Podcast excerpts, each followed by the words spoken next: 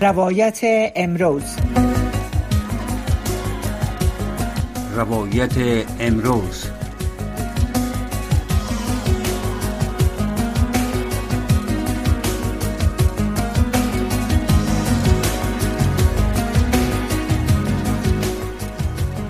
شنونده های عزیز سلام. و برنامه روایت امروز از رادیو آشنا صدای امریکا خوش آمدید. در برنامه امروز البته روی مشکلات مهاجران افغان در پاکستان بحث می‌کنیم. البته در برنامه امروز در رابطه با مشکلات اقتصادی مهاجران افغان در ماه مبارک رمضان و همچنان در آستانه عید رمضان صحبت می‌کنیم. اینا در چه حال هستند؟ وضعیت اقتصادیشان چگونه است؟ در حالی که چهار روز مانده به عید ماه مبارک رمضان مهاجرین در پاکستان البته گفتند که توان خرید میوه و دیگر غذاها را ندارن و نمی‌تونن که عید به درستی تجلیل کنند. در این برنامه مهمان گرامی داریم بانو شکریه صدیقی خبرنگار و همچنان مهاجر افغانستان در پاکستان با ما خواهند بود و در رابطه با چشم دیده هایشان و وضعیت اینا تجربه هایشان با ما صحبت خواهند کرد. آرزو دارم بانو صدیقی را دخت داشته باشیم رخ شوند. بانو صدیقی می‌خوایم بفهم که شما تلفنتان رخ شده دخت هستین با ما هستین؟ سلام خدمت شما فوزیه جان و سلام خدمت تمام شنونده های رادیو. امیدوارم همگی خوب و صحت باشین. بله من دارم. وصل شدم به استودیو. بسیار عالی که شما وصل شدین به استودیو. بعضا وقتی که پاکستان تماس می‌گیریم نمرات مشکل می داشته باشه. خوب شد که شما وصل شدین. تشکر از وقتتان و تشکر از حضورتان. مانده نباشین. روزه را به خیر افتار کردین. روزه چگونه میگذره؟ تشکر. زنده باشین. خوب میگذره. دیار مسافرت و مهاجرت است. هیچ وقت پاکستان کشور افغانستان شده نمی‌تونه به حال میگذره. عوازیات گرم خو نیست در ماه مبارک رمضان اگر هوا گرم باشه یک ذره تشنگی زیادتر می باشه مشکلات خستگی هوا چطور است؟ دقیقا هوای پاکستان تا یک هفته پیش بسیار خوب بود. ولی متاسفانه یک سه الا چهار روز میشه که هوا گرم شده میره و گرمی پاکستان هم که به تمام جهانیان بله. معلوم است که چقدر هوای گرم داره. بله از این خاطر پرسیدم که روزه گرفتن هم واقعا دشواره. بله از این خاطر پرسیدم که روزه در هوای گرم هر دوش چگونه. اما تقریبا تمام شد دیگه نه؟ در پاکستان هم فکر می‌کنم باید چهار روز مانده باشه. اونجا هم حدود چهار روز از روزه باقی مانده. بگذاریم از این چگونه هست وضعیت روزه در مسافری و بخصوص شما مهاجرین و دوستانتان خانواده هایی که با اونا در تماس هستین چگونه میگذرانن روزه را؟ دیگه وقتا قدر همیشه حساس است مشکلات همیشه از باز در مناسبت های مثل روزه و عید خیلی ای سخت میگذره و احساس میشه بیشتر این مشکلات. چگونه روزه گذشت و باقی چگونه میگذره؟ من قبلا هم به شما اشاره کردم که مهاجرت و مسافرت است بخوای نخوای زندگی به غیر از روزه هم دشوار است. در یک آینده نامعلوم. ولی متاسفانه متاسفانه در این اواخر شما به جریان هستین که دولت پاکستان خودش با مشکلات اقتصادی دست پنجه نرم می‌کنه و یک وضعیت اقتصادی بسیار بدی برای خود مردم پاکستان است. چندی پیش یک گزارشی از داخل خود پاکستان نشر شد از وضعیت زندگی مردم پاکستان که چقدر اونا با یک وضعیت خراب مواجه هستند یک وضعیت اقتصادی بدی دارند وقتی یک خود پاکستانی ساکن پاکستان وضعیت اقتصادی خوبی نداشته باشه نتانه روزی خوب سفری بکنه و وضعیت زندگی خوب داشته باشه پس از یک مهاجری که از یک کشور دیگه میایه شما تصور بکنین وضعیت زندگی از اونها چگونه خواهد بود؟ درک میشه آدم درک کنه ولی قابل درک است و ما خبرها و گزارش های زیادی هم داشتیم. به خصوص در کمپ های مهاجرین وضعیت اقتصادی خیلی خراب است. چی روزه باشه چی نباشه؟ به نظرم یک تعداد میشه گفت دایم الوقت روزه هستن از نگاه از که دسترسی به غذای کافی ندارن دسترسی به غذایی که نیاز یک وجود یک انسان است داشته باشن. به هر حال شما با خانواده ها بله. تماس هستین وضعیت هم می‌بینین. عمدترین مشکل اقتصادی نبود کار است یا چی است اگر شما بر ما توضیح بتین بیشتر؟ بسیاری از خانواده های مهاجر افغان در داخل پاکستان با مشکلات اقتصادی دست و پنجه نرم می‌کنن. علت از او هم ای است که کار برای مهاجرین افغان در داخل پاکستان مهیا نیست. و یگانه شرطی که یک افغان نمی‌تونه کار بکنه ای است که ویزا نداره و همچنان کارت مهاجرت نداره و یک یک مهاجری نیست که بتونه حداقل به صورت قانونی زندگی بکنه. مثلا یک کارت یونیسیا داشته باشه که بتونه در یک دکان مثلا خرید فروش بکنه یا که یک شغل برای خود دست پنجه بکنه دست پا بکنه اون نمی‌تونه این کار رو بکنه. به خاطر از که تمام مهاجرینی که از آگست 2021 در داخل پاکستان آمدن غیر قانونی گفته میشن. نه ویزا دارن و نه هم کارت مهاجرت دارن. پس کار نمی‌تونن برای خود پیدا بکنن و کارت هم و کار هم برای از اینا مهیا نیست. همه افغان ها از از 100 درصد افغانایی که در داخل پاکستان حضور دارن مهاجر هستن 95 درصد از اینا بیکار است. یعنی بیکاری ما می‌تونیم بگیم. ای خب به حساب همیشه انسان بنا او ضرورت داره خانه سرپناه پس این قدر مردم مشکلات چطور میگذر روزگار چطور میگذرانن خود زندگی را شب روز چگونه سپری می‌کنن؟ روزگار روزگار بسیار سخت بسیار سخت و دشوار سپری می‌کنن. در همین ماه مبارک رمضان بسیاری از این مهاجرین که من می‌شناسم با یک شاید ما یک رسم و رواج و عنعنات در داخل افغانستان داشتیم که در افتار یک سفره افتار داشتیم که انواع نوشیدنی انواع میوجات و انواع غذاهای مثل سوپ و شوربا به سفره آماده می‌کردیم و افتار می‌کردیم و بعد از یک ساعت دو ساعت بعد باز غذای شب حوثانه های شب مهیا می‌کردیم. درست بود؟ بله. این یک سفره بود که ما در افغانستان داشتیم. شاه و غریبی ما در افغانستان همو سفره افتار خود داشتن. ولی متاسفانه امروز در داخل پاکستان یک مهاجر هیچ کار نمی‌تونه همچون سفره افتاری که در افغانستان داشته در داخل پاکستان برای خود تهیه بکنه. او انواع نوشیدنی باشه انواع میوه ها باشه و انواع حواسانه ها باشه به سفره افتار سفره افتار و غذای شب برای مهاجر افغان در داخل پاکستان یکی است.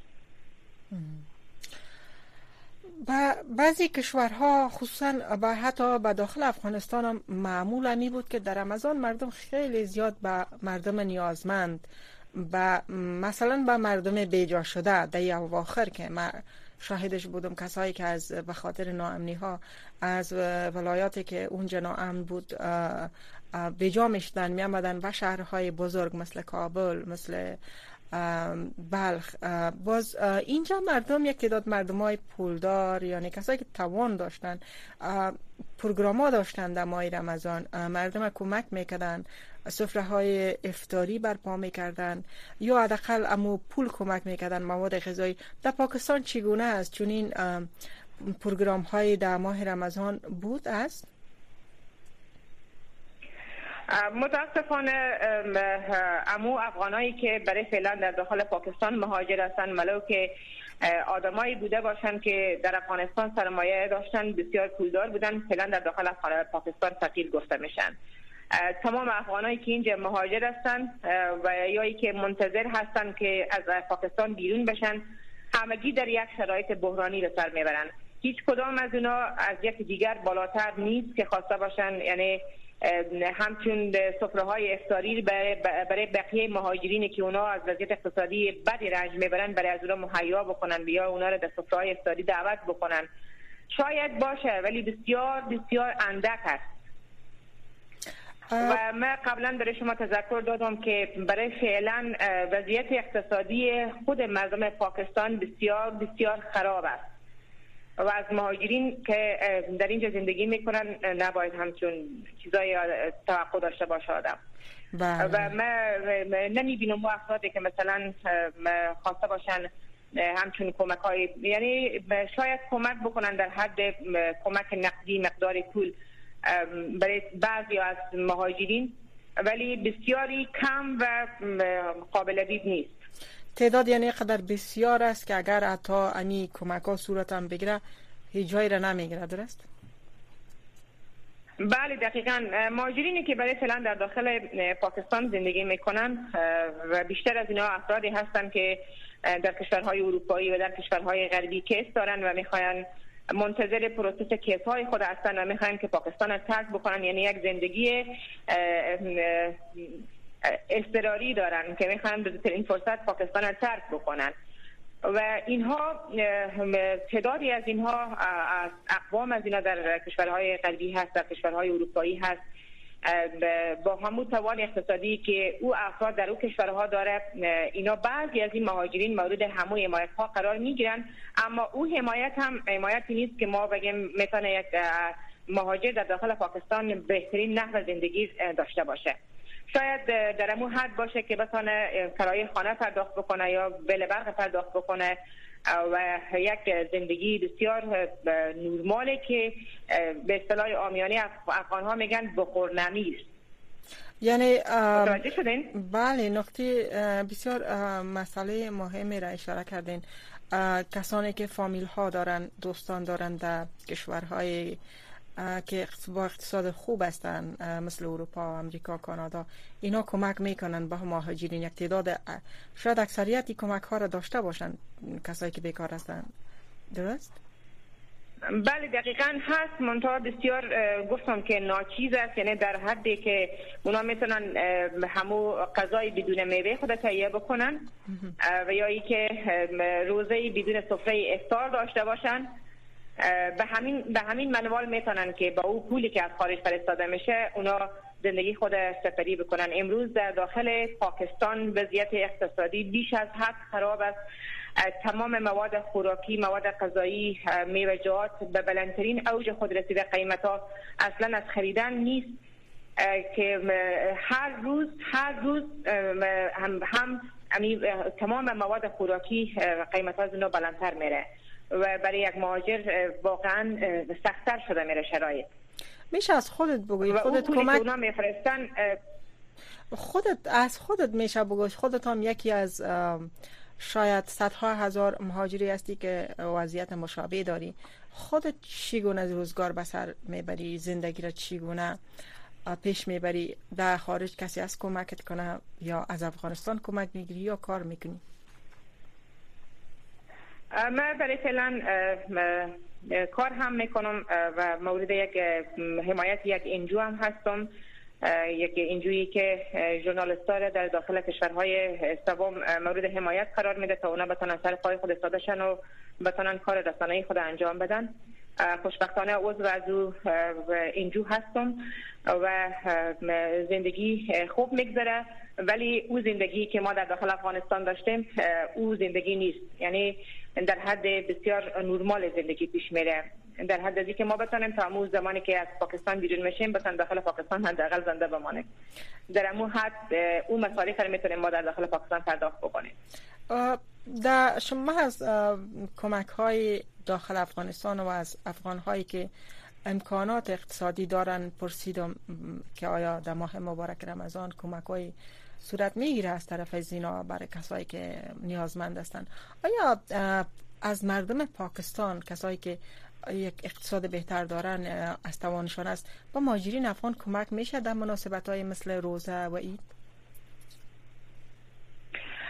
متاسفانه نه قبلا گفتم که خود از با مشکلات خود دست پنجه نرم می‌کنن. ولی تعدادی از رستوران ها و یا مهمانخانه هایی که در پاکستان است در اسلام آباد است من از نزدیک مشاهده کردم. تعدادی از اینا هم مردم عامه که در داخل پاکستان است خود پاکستانی ها و به خصوص عرب هایی که در داخل پاکستان اینها رستوران ها دارن یا هتل ها دارن اینا در ماه مبارک رمضان سفره های افطاری پهن می‌کنن. با انواع غذاها و نوشیدنی ها به صورت رایگان برای عامه مردم نه تنها برای مردم افغانستان برای مهاجرین برای عامه مردم چنین سفره هایی دارند و بعضی وقتا افغان ها هم به اونجا میرن و اونجا افطار می‌کنن. و اونجا غذا می‌خورن و او به صورت رایگان هست بیشتر شاید در مسجد هست مسجد ها میرین مسجد ها هم دارن؟ سفره های افطاری افغان ها میرن نه خیر. داخل مسجد ها نه البته در داخل همین رستوران ها و هتل هایی که در داخل پاکستان هست. تعدادی از اینها سفره های افطاری دارن برای عامه مردم. فرق نمی‌کنه که پاکستانی هست یا ای که افغانی افغانی است. تشکر شکریه جان. آلها تقریبا روزه در حال سپری شدن است. حدود چهار روز شاید مانده که روزه بخیر بگذره. از اید چی گفتنی دارین؟ مردم برای اید چی آمادگی ها دارن؟ و خصوص مهاجرین افغان چون ایدهای مثل اید قربان و اید رمضان سال نو. بله صدای مرا دارین؟ بله. شکریه جان صدای مرا دارین بله. فکر می‌کنم تماس میمان برنامه قطع شده. کش می‌کنه میمان برنامه را دوباره وصل کنیم. اما امروز در رابطه با مشکلات بله اینا دارم. چند دقیقه بله چند دقیقه صدای شما نبود قطع شد. آل شما صدای مرا دارین؟ من دارم صدای شما را بله. بله. فکر می‌کنم مهمان برنامه ما تلفنشان قطع شده اما پرودیوسر برنامه کوشش دارن که دوباره خانم شکریه صدیقی را با ما وصل کنن تا در رابطه به آمودگی ها و وضعیت مهاجرین افغان در پاکستان به خصوص اونایی که پس از آگست سال 2021 به پاکستان رفتن امرای صدیقه جان صحبت خواهیم کرد و می‌بینیم چی آمادگی های این مهاجرین برای اید دارن وضعیتشان چگونه است. تلفن بانو شکریه قطع شده اما کوشش دارن که خانم شکریه را وصل کنن. طوری که شما شنیدین در قسمت اول برنامه مهاجرین جان. بله شکریه جان. صدای شما را اینال دارم. من نمیفهم شما صدای مرا دارین یا نه. مشنوین؟ بله بله صدای شما را بله. بله بله. من هم برای شنونده ها گفتم که شما در رابطه با آمادگی های اید می‌خواین صحبت کنین. خب روزه خو گذشت. حالا در آستانه اید هستیم. مهاجرین افغان که تعدادشان در پاکستان بسیار زیاد هستند. چه آمادگی هایی دارن برای اید نیروزا چی می‌بینین؟ از این اگر کمی بگوین. که ما صحبت بکنیم توزیه جان صحبت ها شاید نامید کننده باشه و شاید ما مخاطبینی داشته باشیم که همکنون صدای ما, ما و شما را بشنون. بله. واقعا جای تاسف است که ما همچون شرایط برای کلد در داخل پاکستان تجربه می‌کنیم. من یعنی این اولین ایدی نخواهد بود که من در داخل پاکستان زندگی می‌کنم و با مهاجرین پاکستان سر افغانستان در داخل پاکستان سر و کار دارم و با اونا رفت آمد دارم مهاجرین بیشتر تعداد مهاجرین من نشناسم اید قبلی هم دو اید قبلی هم من در داخل همین پاکستان بودم. بله. ما اگر خواسته باشیم با شرایطی که در افغانستان بوده مقایسه بکنیم اصلا قابل مقایسه نیست. در اینجا حتی در اینجا به خاطر از اینکه امکانات اولیه را برای یک مهمان ندارن حتی رفت آمدها بسیار به ندرت هست حتی افغان ها به خاطر همین که به تعداد از اون خانواده خود گیلاس دارن یا ترموز دارن به همون تعداد یعنی ظروفی ندارن خواسته باشن مهبت بکنن. همون امکانات ندارن خواسته باشن از یک مهمان پذیرایی خود بکنن. رفت ها حتی در زمان اید در خانه های خود افغان ها بسیار کم است. به همین قسم من به شما قبلا گفتم که در همین حد زندگی می‌کنن که کرایه خانه پرداخت میشه پول وقت پرداخت میشه و همو غذای خود تهیه می‌کنن. میوه خوشبا در داخل پاکستان خریدن از برای خود پاکستانی دشوار است. که برسه برای یک ماجر افغان واقعا. شاید به خاطر از که اولادان ناراحت نشن به خاطر از که ما بتونیم همون سزا رو حفظ بکنیم بسیار کم میوه خوش بگیریم و به خاطر اولادا چند دست لباس برای اولادا تهیه بکنیم که اونا لباس نو بپوشن که همو احساس نکنن در غربت هستن. اونا اطفال هستن. شاید نمی‌تونن اون وضعیت درک بکنن. در همین عد من فکر می‌کنم تمام افغانایی که در داخل پاکستان هستن آمادگی بگیرن که برای اطفال لباس نو بخرن و یک مقدار کم میوه خوش تهیه بخورن. تا که خود از اونا خانوادگی دور هم بشینن و ایده خود اونا با خود تجویل بکنن. شاید از این فراتر نیست. و اگر بیرون بشن در حد درگی است که میرن داخل یک پارک به روز اید بیرون میشن از خانه اورادا بیرون می‌کنن و داخل داخل از این پارک افغان هم دیگر می‌بینن و با هم دیگر ایدی می‌کنن.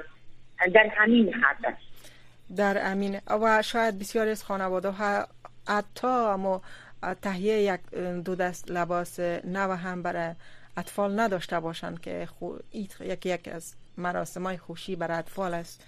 شاید فکر می‌کنم بسیار تعداد زیادی هم باشه که توانایی تا همو یک تهیه یک لباس نداشته باشند درست؟ بله دقیقا. بله دقیقا. ما هم چون مهاجرینی داشتیم در داخل همین پاکستان. مدت طولانی در داخل پاکستان ماند. حتی نتونست جایی برای کار بکنه نتونست که یک کمکی دریافت بکنه. افراد نداشت از کشورهای اروپایی که خواسته باشن از کمکی بکنن. با یک فردی بود مواجه به خطر که نمی‌تونست به افغانستان برگرده. او رو مرگ خود به جان خرید و رفت. گفت نه از این بیشتر نمی‌تونم داخل پاکستان طاقت بیارم. یا ای که کشته میشم یا ای که در داخل همون خاک خود می‌تونم که یک لقمه نان برای اولاد پیدا بکنم. همچین شرایطی. دقیقا افرادی هستن که توانایی خرید همون لباس عادی هم برای اطفال خود ندارن. این صد بله شما بیشتر از مقایسه گفتین. یک کمی میشه مقایسه بتین در افغانستان چگونه روزهای در آستانه این تیاری ها چی بود؟ چه آمادگی ها می‌گرفتین که حالا در مهاجرت نمی‌تونین؟ قبل از اینکه این فرا برسه او رسم و رواج و عنعنات مردم افغانستان بود که ما همو مواد مثلا میوه خشک نوشیدنی میوه تازه حتی پاککاری های خانه لباس برای اطفال حتی بزرگسالا هم لباس می گرفتن این آمادگی ها کلن گرفته می شد و این یک موردی بود که تنها در خانه سردی که از لحاظ اقتصادی خوب بود نه بلکه افراد فقیر ما در داخل پاکستان در داخل افغانستان اونا تخما تخمه افترگردش میگن خریداری می‌کردن تخم اندانه خریداری می‌کردن در همون حد توان خود. نخود خریداری می‌کردن اینا با همدیگر مخلوط می‌کردن. آجیل میساختن. خانواده هایی که مثلا سطح اقتصاد از اینا پایین بود با همون شرایط اونا همون ایدر در داخل افغانستان تجلیل می‌کردن. و کسایی هم که از لحاظ اقتصادی بهتر بود خب از یک ماه قبل اونا آمادگی ایدر داشتن که حتی انواع و اقسام شیرینیات در داخل خانه خود اونا پخته می‌کردن. بر علاوه از که میوه خوش می‌گیرن میوه تازه می‌گیرن و نوشیدنی ها آماده نکردن در روز اید و این یک شور و یک شوق و یک حال یک هیجان یک هیجان بود یک شور بود. بله بله. اون حال و هوا فعلا در داخل پاکستان و دیار مهاجرت اصلا نداره فکر می‌کنم چی فکر می‌کنین؟ در داخل افغانستان امو حال و هوا حال باقی مانده؟ مردم با امو شعر و شف چون مشکلات اقتصادی مردم که در داخل افغانستان هم است البته از اکثریت کمتر از مهاجرینی که در پاکستان هستن نیست. فکر می‌کنین او شور شوق در افغانستان باقی مانده به مردم به خاطر تجلیل از مراسم چون اید خیلی من تصوری که من دارم برداشتی که من دارم و چیزایی که من میشنوم اصلا برعکس از هست. امروز افغانستان به یک زندانی برای سی میلیون نفوس افغانستان تبدیل شده.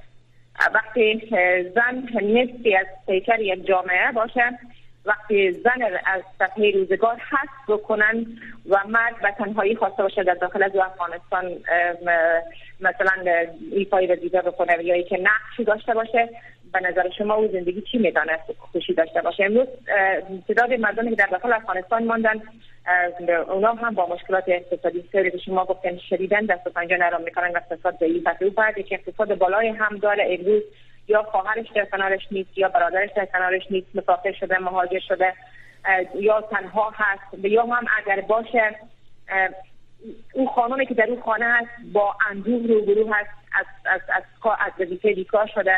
دختر از او اگر دختری داشته باشه دختر از او به مکتب نمیره و غم دختر خود هست که دخترم از تحصیل مان امروز سی میلیون نفوسی که در داخل افغانستان زندگی می‌کنه اونا همه شدیدن با مشکلات روزی روانی دچار هستند به خاطر همین کنیکاسی هایی که فعلا در داخل افغانستان وجود داره.